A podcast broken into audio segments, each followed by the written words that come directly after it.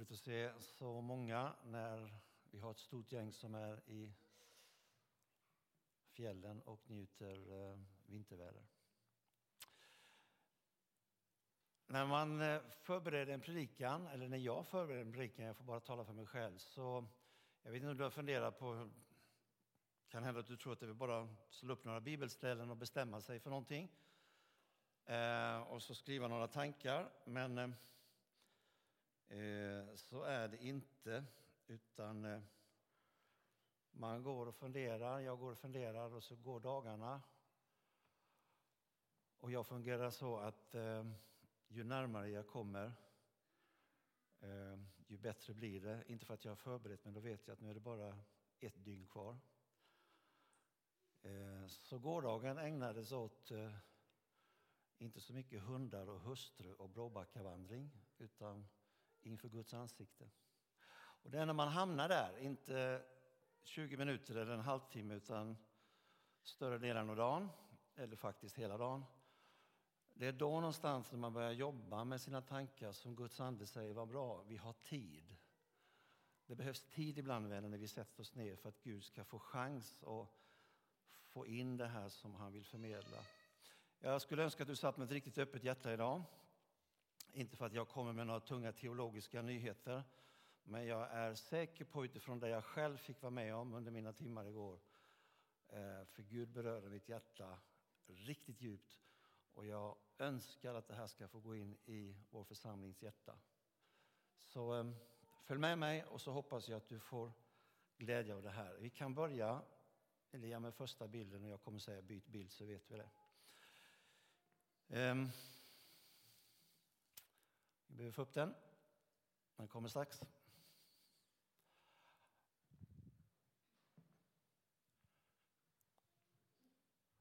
En tro som handlar, agerar. Eller en tro som förvandlar, kan vi också säga. Det är lite grann vad jag vill dela med er idag. Eh, texten var lite större än jag gjorde hemma, men i Jakobs brev 1 och 22, jag läser för er som inte ser hit fram, det står så här, var ordets görare och inte bara dess hörare, annars bedrar ni er själva. Det här är alltså att eh, låta den tro man har få generera någon form av handling. Action, säger vi ibland. Ibland säger vi att tron kan försätta berg. Vi vet kanske inte alltid vad vi menar. Hur går det till? Hur kan tron försätta berg? Vad är en bra förklaring på vad är det när vi säger att vi har en tro? Och nu har jag ännu inte landat i, i din kristna eller din, din personliga tro på Jesus, utan tro som ett ord, som ett begrepp. Vi byter bild så ska du få en riktigt bra förklaring. Och Den är också från Bibeln, nämligen att tro är en fast övertygelse om det man hoppas, en visshet om ting som man inte ser.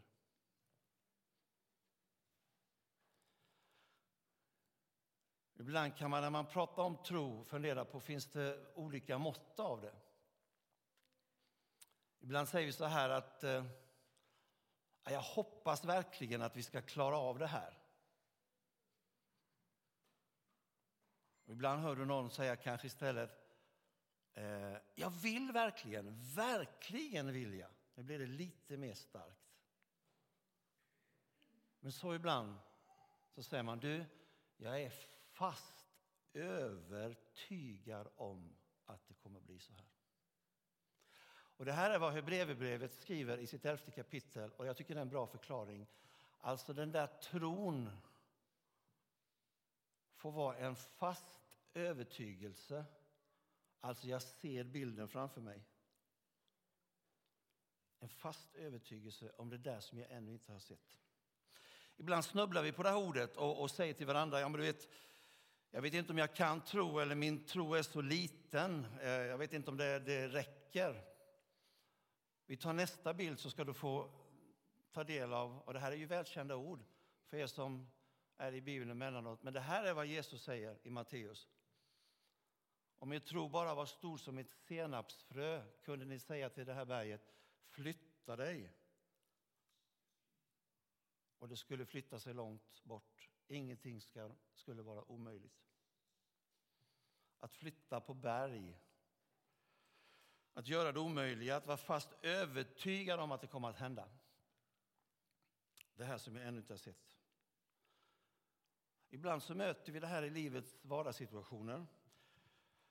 Du stöter på någon som kanske har fått beskedet om en sjukdomsbild, kanske en svår sjukdomsbild.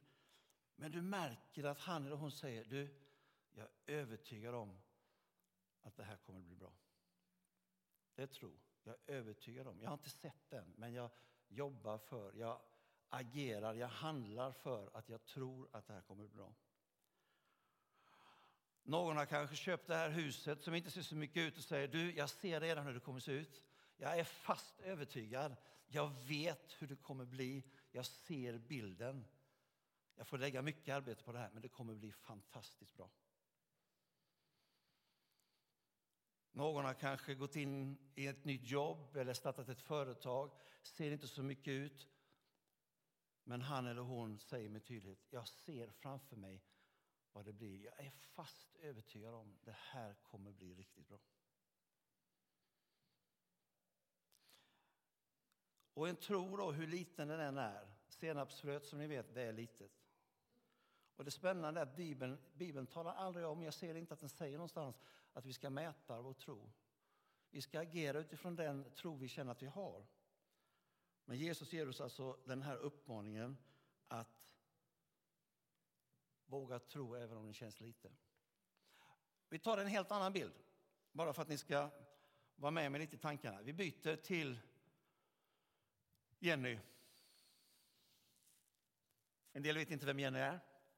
En del vet absolut, det var något fantastiskt hon gjorde. Renny Risved. En del ögon glimmar mer nu när man tittar ut. Dans ögon glimmar nu, för det handlar om cykel. Hade Conny varit där så hade han stått upp kanske. Patrik sitter där. Patrik han känner att cykeln är runt hörnet. Hörrni, om ni inte vet om Jenny Rished, men hon tog OS-guldmedalj. Men det var så här att 22 år gammal är hon, har aldrig varit på OS tidigare. Hade misslyckats en hel del på säsongen tidigare. Vi pratar mountainbike alltså. Riktigt tufft. Och så kommer hon till Rio och jag lyssnade på en intervju igår som SVT hade med henne. Och då säger hon så här efter segern. Nej, men jag trodde aldrig att jag skulle nå en medalj. Och då kan man tänka, gick hon in i tävlingen med så liten tro? Nej, hon, hon var där för att delta. Men faktum var att hon hade inte tro för det var första gången att hon skulle stå på pallplats. Och det lilla hon hade med sig när hon väl hade kommit en bit in i loppet, vad tog det vägen när kedjan går av eller hoppar av? Ni har kanske sett bilderna. Hon får hoppa av cykeln. Du har sett det Patrik? Va? Ja. Och den ena cyklisten efter den andra drar, drar bara förbi. Där någonstans får hon på sin kedja och fortsätter full av action, full av handlande. Jag vet inte, för jag har inte hört henne säga, vad fanns i huvudet på dig när du väl började cykla efter att få på kedjan igen? Men hon bara bestämde sig för, där framme är målet, nu gäller det att stå på. Hon plockar den ena efter den andra och så får Sverige och Jenny en guldmedalj. Hon var fast övertygad om att det gäller bara att hänga i. Fantastisk prestation. Man ser hur lycklig hon är. Um, att vara fast övertygad om någonting som vi ser framför oss. Och då är frågan, vad är det vi ser? Vi byter bild. Och jag kommer under den här stunden som jag predikar för dig att använda ett ord som jag igår smakade på mer och mer och det är ett fantastiskt ord. Och ni som har varit med i församlingen länge, ni har hört ordet och det är ordet Salem. Salem, det låter gammalmodigt tänker man, heter kyrkan Salem. Och ju mer jag sökte på det här ordet igår, ju vackrare blev det. Salem. Vi säger oftast kanske Tibro pingst. Jag vet inte om du anar bilden, men det är en ganska tidig morgon och man anar vägen. Och det är ju så här hörni, vi har en väg som vi redan har vandrat. Under lång tid. Salem är snart hundra år. Den här församlingen är snart hundra år. Frågan är, vad är det för väg som ligger framför? Och vilket lopp ser du framför dig? Kommer kedjan att hoppa av, som det gjorde för Jenny? Vad tänker du och jag som oftast går till den här församlingen? Sen vet vi att vi har Jesusbekännare i Missionskyrkan och runt om, men nu ska jag vara lite koncentrerad på just Salem för att ordet var så vackert. Vi som tillhör Salem och går hit ofta, vad är det för lopp som vi ser framför? Ser du den där vägen som fortsätter att vara dränkt i solljus? Den är rak, den är lätt att ta sig fram på. Det är inga bekymmer. Det är ganska lätt att finnas med i Salems hus. Eller ser du mörka perioder? Är det dimmigt emellanåt? Är det backigt? Eller som för Jenny, kanske kedjan hoppar av?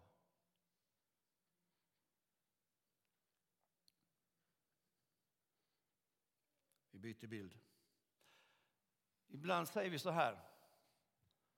Är du med på vägen? Det, det växte jag upp med att man sa ibland. Trevligt att se dig, roligt att du är med på vägen. Man kan undra vilken väg? Och vad menar du det? Kanske det som de här tre, det är inte gentlemän, men en gentleman till vänster och två töser. Eh, absolut, de är på vägen. Någonstans uppe vid Gula huset, Svinnakyrkan där uppe. Um, men på vilket sätt är de med? Två av dem har satt sig. En står.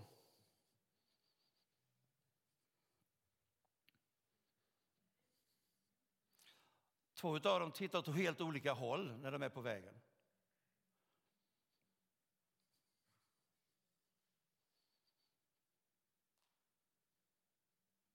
När du och jag säger att vi är med på vägen, är vi med tillsammans med honom som säger att jag är vägen? Är det den vägen vi pratar? Eller har vi gjort en egen väg? Hundraåringen Salem var en gång i tiden bara 30 år. Ingrid nickar, för då tänker hon det måste varit 1949. Precis, det var det. Då var hundringen 30 år. Många har slutat att vandra på den vägen därför att livet tog slut. De har flyttat hem och de väntar på oss. Han till vänster, Rasmus, han har också slutat att gå på den vägen. Jag vet inte om det är därför han tittar åt det hållet. Han känner att jag kanske inte orkar så mycket mer. Men han slutade i mars förra året. Men de andra två töserna, de är på vägen.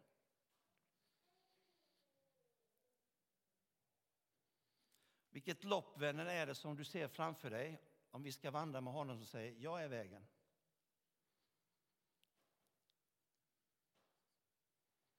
Hundraåringen nu tänker jag på en film här, som klev ut genom fönstret.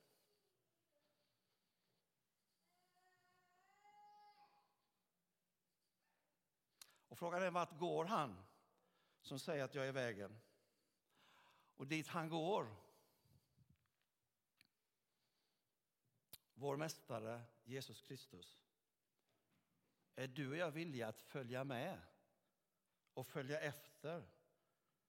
När han som är vägen säger att nu går jag till de som är ganska nyanlända. De som du och jag inte har träffat än. Eller nu säger han som är vägen att jag vill att du följer med mig och berättar för den här muslimen som inte vet vem jag är. Då är frågan, är du och jag med på vägen? Följer vi med? När han som är vägen säger att det måste till mer undervisning för de som inte vet. Hur vill ni göra det? Lutar vi oss tillbaka då, eller säger vi att absolut, alfa är ett sätt? När han som är vägen säger det är dags att ställa till med en festmåltid och bjuda in de som aldrig har varit på festen. Är det den vägen som vi är på du och jag? Är det det som ligger framför ditt Salem är på väg? Följer vi honom oavsett vilken väg han väljer att gå? Många frågor där. Han som säger jag är vägen. Och han säger till dig och mig, följ mig. Och så ibland tar det en riktning någonstans där vi känner, där har jag aldrig varit innan. Där har jag aldrig gått. Vi tar nästa bild. Vet ni vad det här är? Vet ni vad de röda pluttarna är för någonting? Nu ställer jag frågan och tar gärna ett svar för den som vågar svara. Vad är de röda pluttarna? Det är Tibro kommun, för er som ser lite svagt. Det är en röd plutt i Torsby, två i Hörnebo, två i Tibro, en i Fröstorp, en i Gravafors, en i Kroppetorp, en i Fagerstanna, en i eh, Lakenäs och en i Höghult. Vad är det för röda pluttar? Va? Exakt, det är missionshus. Det är kyrkor, sa Camilla. Det här är missionshusen som fanns en gång i tiden. Det här är från Länsstyrelsen, så du kan hitta den här. Vi tar nästa bild. Eh, av de tio, Tibro gamla, Tibro nya, Hörnebo missionshus, Hörnebogården, SMU-stugan Fröstorp och så vidare. Så tittar man när den allra äldsta, det är Fagerstanna missionshus, 1876. Tittar du till höger så står det riven i bruk. Bostad, bostad, riven, bostad i bruk. Fyra av dessa tio missionshus är i bruk. Övriga har blivit bostäder eller har rivits. Idag i Tibro så är vi ungefär 3 000 personer fler. Vi är 10 980 tittade jag på igår enligt SCB. Vi är ungefär 3 000 fler än vi var 1950. Salem har ett hus, det är det här huset. Kommer det stå om ett tag, det är rivet. Jag vet inte, vi är i den processen nu. Eller kommer det stå någonting annat? Men vet du vad som är tack och lov? det är att när jag tänker på Salem och det som är framför och när jag tänker på alla de som byggde de här husen så är nästa bild, Elia, så viktig. Vi kör den.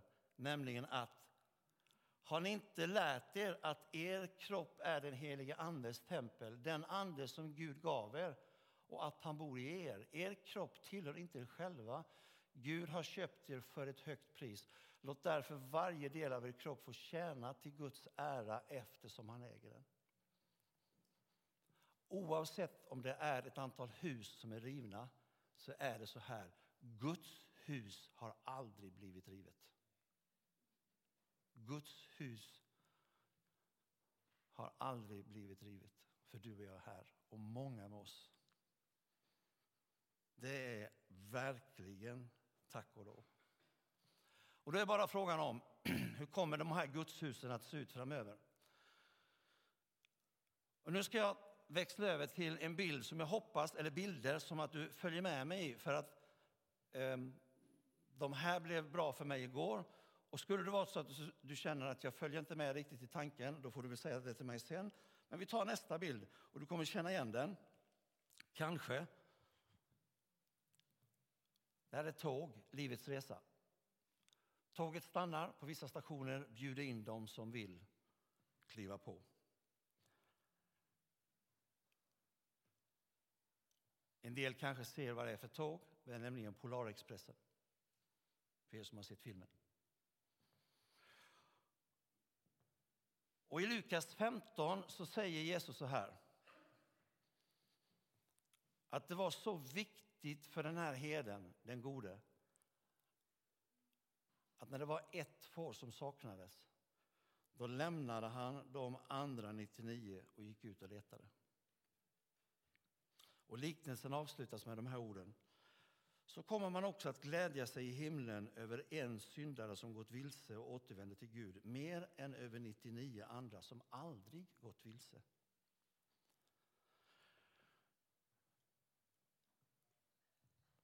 Guds himlatåg stannar och Guds himlatåg vill resa in i nya sammanhang där nya människor finns för att erbjuda möjligheten att resa med. Och Frågan är hur du och jag tänker när han som är vägen säger att himlatåget tar en resa åt något håll här i Tibro. Kommer du och jag då vilja vara med där eller inte?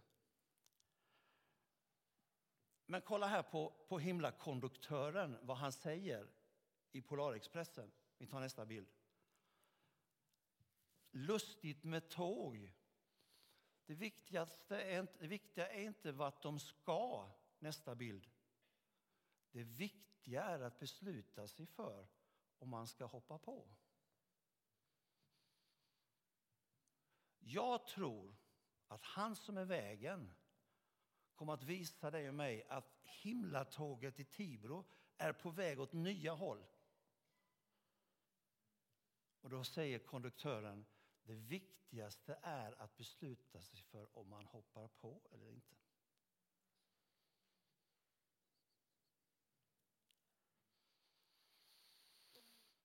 Nu stannar jag kvar i detta med tåg en del, därför att livets resa är det jag ska prata om. Och nu ska ni få en bra bild, vi byter. Jag är inte säker på att det är någon som sitter här nu som stod på den perrongen när den här bilden är tagen. Men det är stationen i Tibro och det är ett gammalt ånglok som har stannat upp. Och det här var de tankarna som, som jag ska inte säga att jag brottades med dem igår, men som rann genom mitt huvud och de delar jag med dig. Alltså det här himlatåget har så många gånger stannat i Tibro. I hundra år har den här församlingen snart varit verksam. Och så många människor har fått möjlighet att kliva på himlatåget. Och spåret utanför stationen, de har burit det här tåget hela tiden. Vi tar nästa bild. Samma spår som senare bar helt andra tåg, mycket modernare tåg. Och människor har stigit på av fri vilja för att börja livets resa mot himlen.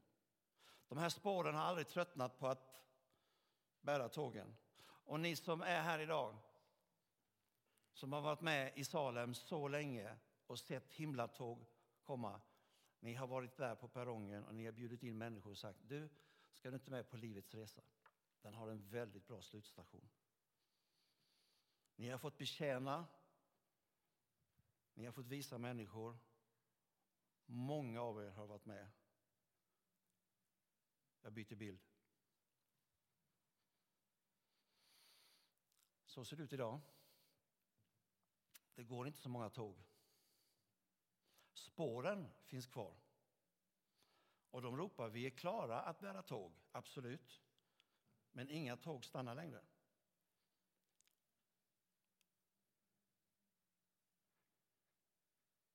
Hundraåringen med det vackra namnet Salem som har sett så många himlatåg stanna och resa vidare.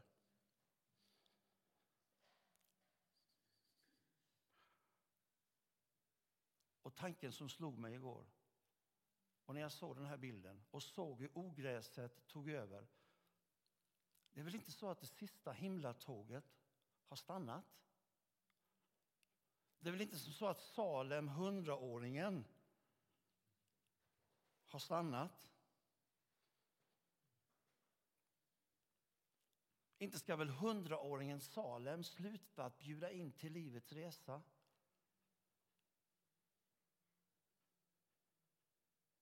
Nej, jag tror inte det. Vi byter bild.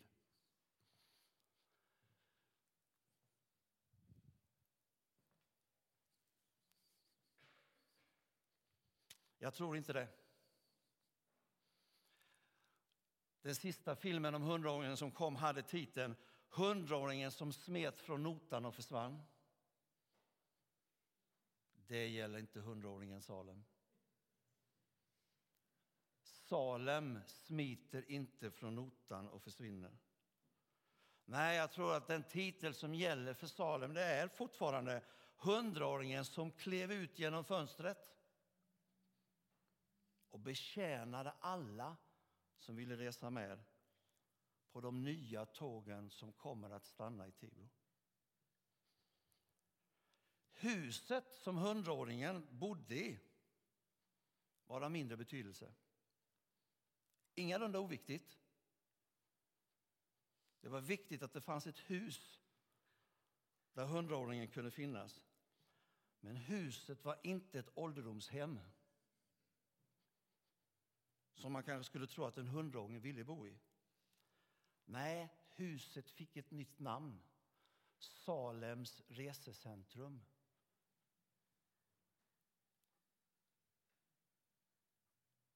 Tror ni inte att jag sitter i framtidsgruppen och jobbar? För det är inte det jag försöker säga.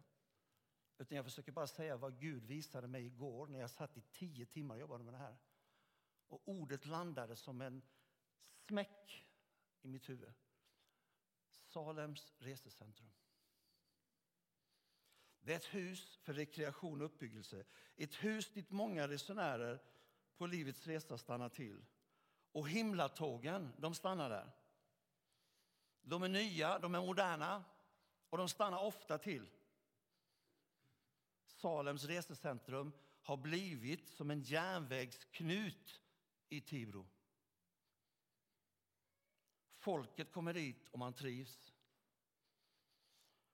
Man får en kopp kaffe. Andra stannar lite längre. Man behöver lite mat, man behöver lite kläder. Andra får hjälp med annat som är viktigt i livet när man kommer till Salems resecentrum. Vissa behöver med hjälp för att de sköter inte sin ekonomi på ett bra sätt. Den hjälpen får man när man kommer till Salems resecentrum. Andra vill finna ett arbete och man vet inte hur det går till. Någon sa, gå till Salems resecentrum. Där är många som vet hur det kan gå till. Vissa var trötta, trötta och väldigt slitna. De gick till Salems resecentrum bara för att sitta ner och vila sina trötta ben. Vissa ville vara nyktra men tyckte det var så svårt när suget tog överhand igen. Och de vackra resenärerna de gick ofta till Salens resecentrum för de visste där får jag hjälp och stöd. Vissa var nyanlända. De hade inte hört talas om Salems resecentrum. Och de kunde inte ens språket. De var trötta och förvirrade efter den långa resan över hav och över Europa. Men de gick till resecentrum. Vissa gick bara dit för att jag vill bara sjunga, dansa av glädje för den livets resa som jag är med på är fantastisk. Det visade sig att alla, alla fick plats i salens resecentrum. Och det var olika himlatåg som stannade till. Men hur tågen än såg ut, så längst fram så stod det slutstation himlen. Och livets resa pågick. Några tyckte att jag går på det tåget där det på utsidan står idrottståget. Därför att det passar mig bra. Men slutstationen var densamma på livets resa. Några klev på nästa tåg som gled förbi. Det stod företagståget.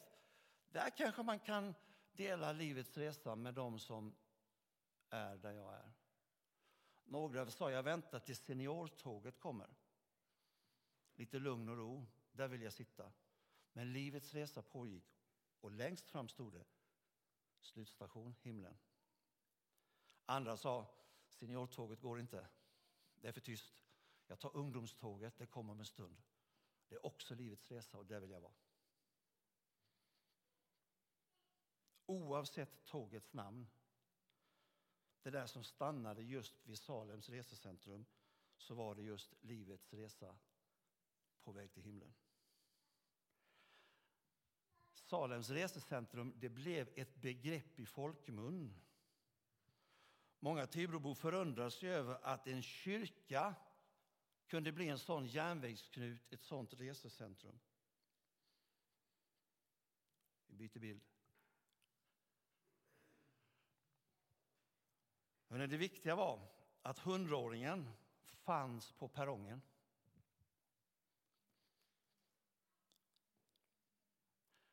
Perrongen vid Salems resecentrum, där fanns hundraåringen varje gång det kom in ett tåg. Ett nytt, modernt, spännande tåg. Plats för massor med människor. Och på perrongen stod hundraåringen med den snyggaste av alla uniformer. Uniformer som passade ung som gammal. Och där stod hundraåringen sida vid sida. Axel mot, axel mot axel.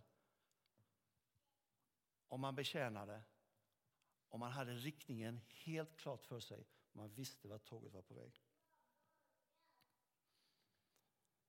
Människor stannade upp ibland och frågade kan jag resa med fast jag är smutsig och jag har nog inte ens råd att köpa biljetten. Och när den frågan kom där mitt i Salems resecentrum Det är han som luktade illa och inte hade sett vatten på länge.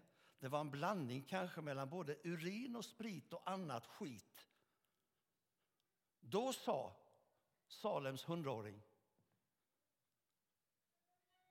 Därför att Gud hade sagt till Salem om du inte gillar den doften så kan du kliva åt sidan. Därför att det är den skitdoften, sa Gud, som jag känner varje dag stiger upp från jorden. För det stinker kring det som händer. Och det är i den doften som jag har stigit ner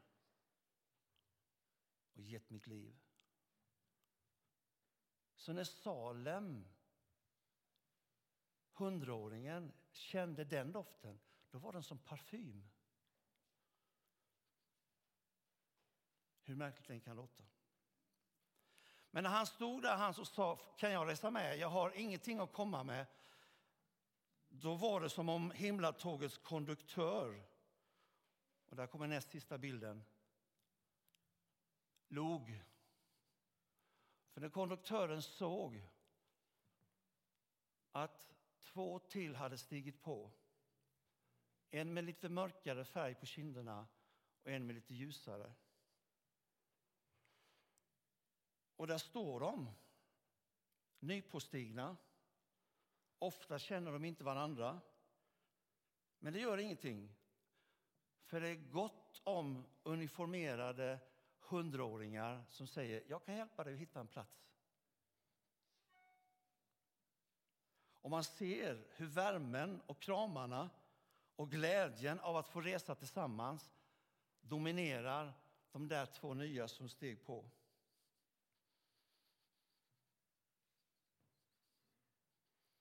Jag såg det förra söndagen, utan att nämna namn. Jag såg det, att 97-åringen som snart är 100 var med om det här. Jag såg hur någon som inte kunde språket var här. Och jag såg hur den som kunde språket, ett helt annat språk som jag inte förstod, helt plötsligt gick dit och sa hej. Och under sju minuter så stod jag och såg dialogen som uppstod mellan han och hon, två absoluta främlingar för varandra. Och jag såg glädjen i vad som hände.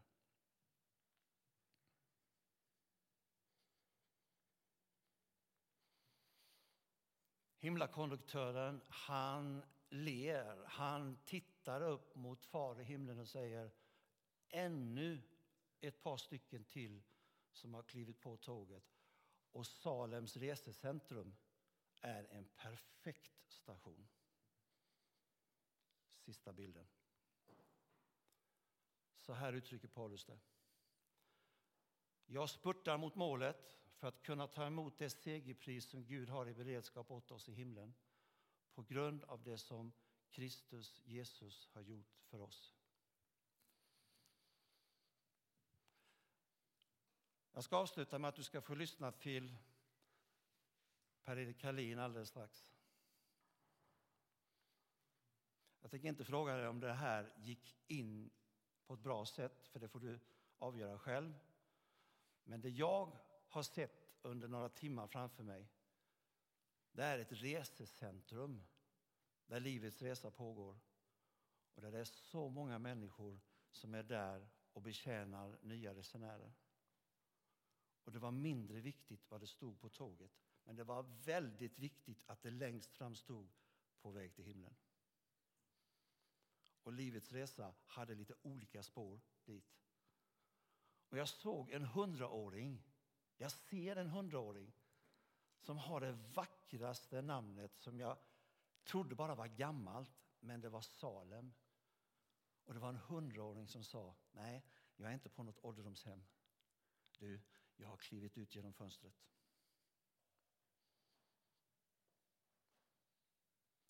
Vi lyssnar till Per-Erik.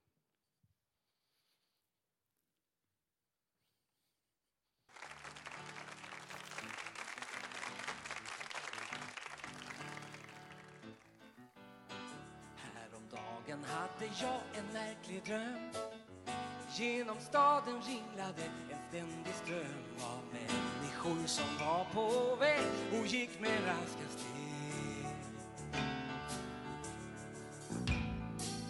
De vandrade framåt fastän gatan den var trång.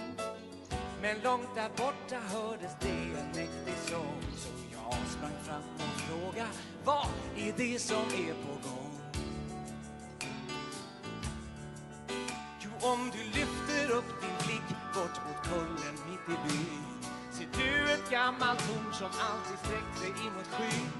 Men där har varit torrt och tomt i många år.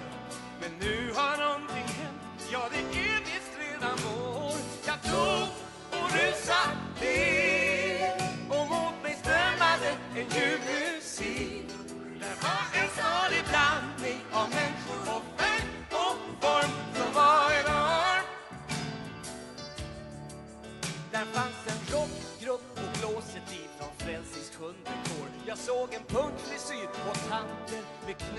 sitt hår Och alla klämde inför fosterland och tunga skor. Och taket lyfte sig när både gammal och ung sjöng med. Jag hade aldrig hört dess like förr. Det var det vackraste som rört mitt hjärta förr. Och hela stället gunga så jag fick lust att sjunga med. Säg, får jag sjunga med? Ja, det får du sjunga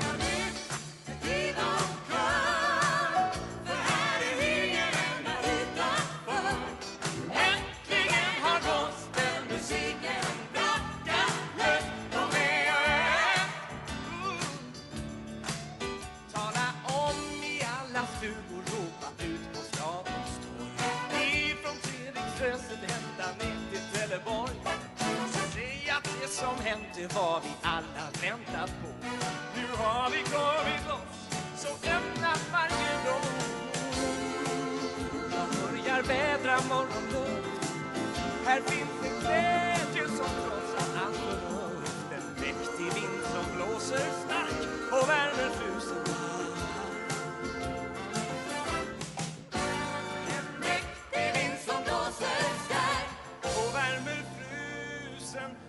Ah.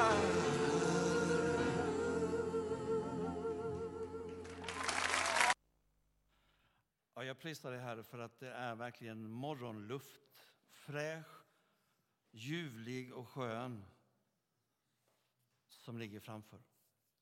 Jag tackar dig Herre för hundraåringen Salem. Snart hundra. Jag prisar dig för oss alla Herre som är här idag. Och även de som inte är här som brukar vara. Jag prisar dig för varje missionshus och kapell och kyrka i Tibro. Jag tackar dig, Far i himmelen, för att du kommer ständigt och vilja se att människor kliver på livets tåg med slutstation himlen. Jag prisar dig, Herre, för att vi här får tillhöra en församling. Vi får vara ett resecentrum, Herre. Ibland en väntsal där människor bara behöver sitta ner. Men jag prisar dig framför allt, Herre, att vi får vara ett resecentrum där människor säger jag vill börja resan, den resa som slutar på den allra bästa platsen, nämligen hemma hos dig själv. Herre, jag ber att du ska låta oss som din församling bland alla de andra församlingarna bara få uppleva hur du tydligt hjälper oss i varje beslut som ligger framför. Så den väg som vi inte har sett den Herre får bara bli en fantastisk resa. Och du ska vara med oss Herre, om den är krokig, lite molnig eller när det är soligt, underbart, oavsett väder så får vi bara prisa dig för att du är med. Och jag tackar dig Herre för att hundraåringen bara får gå vidare.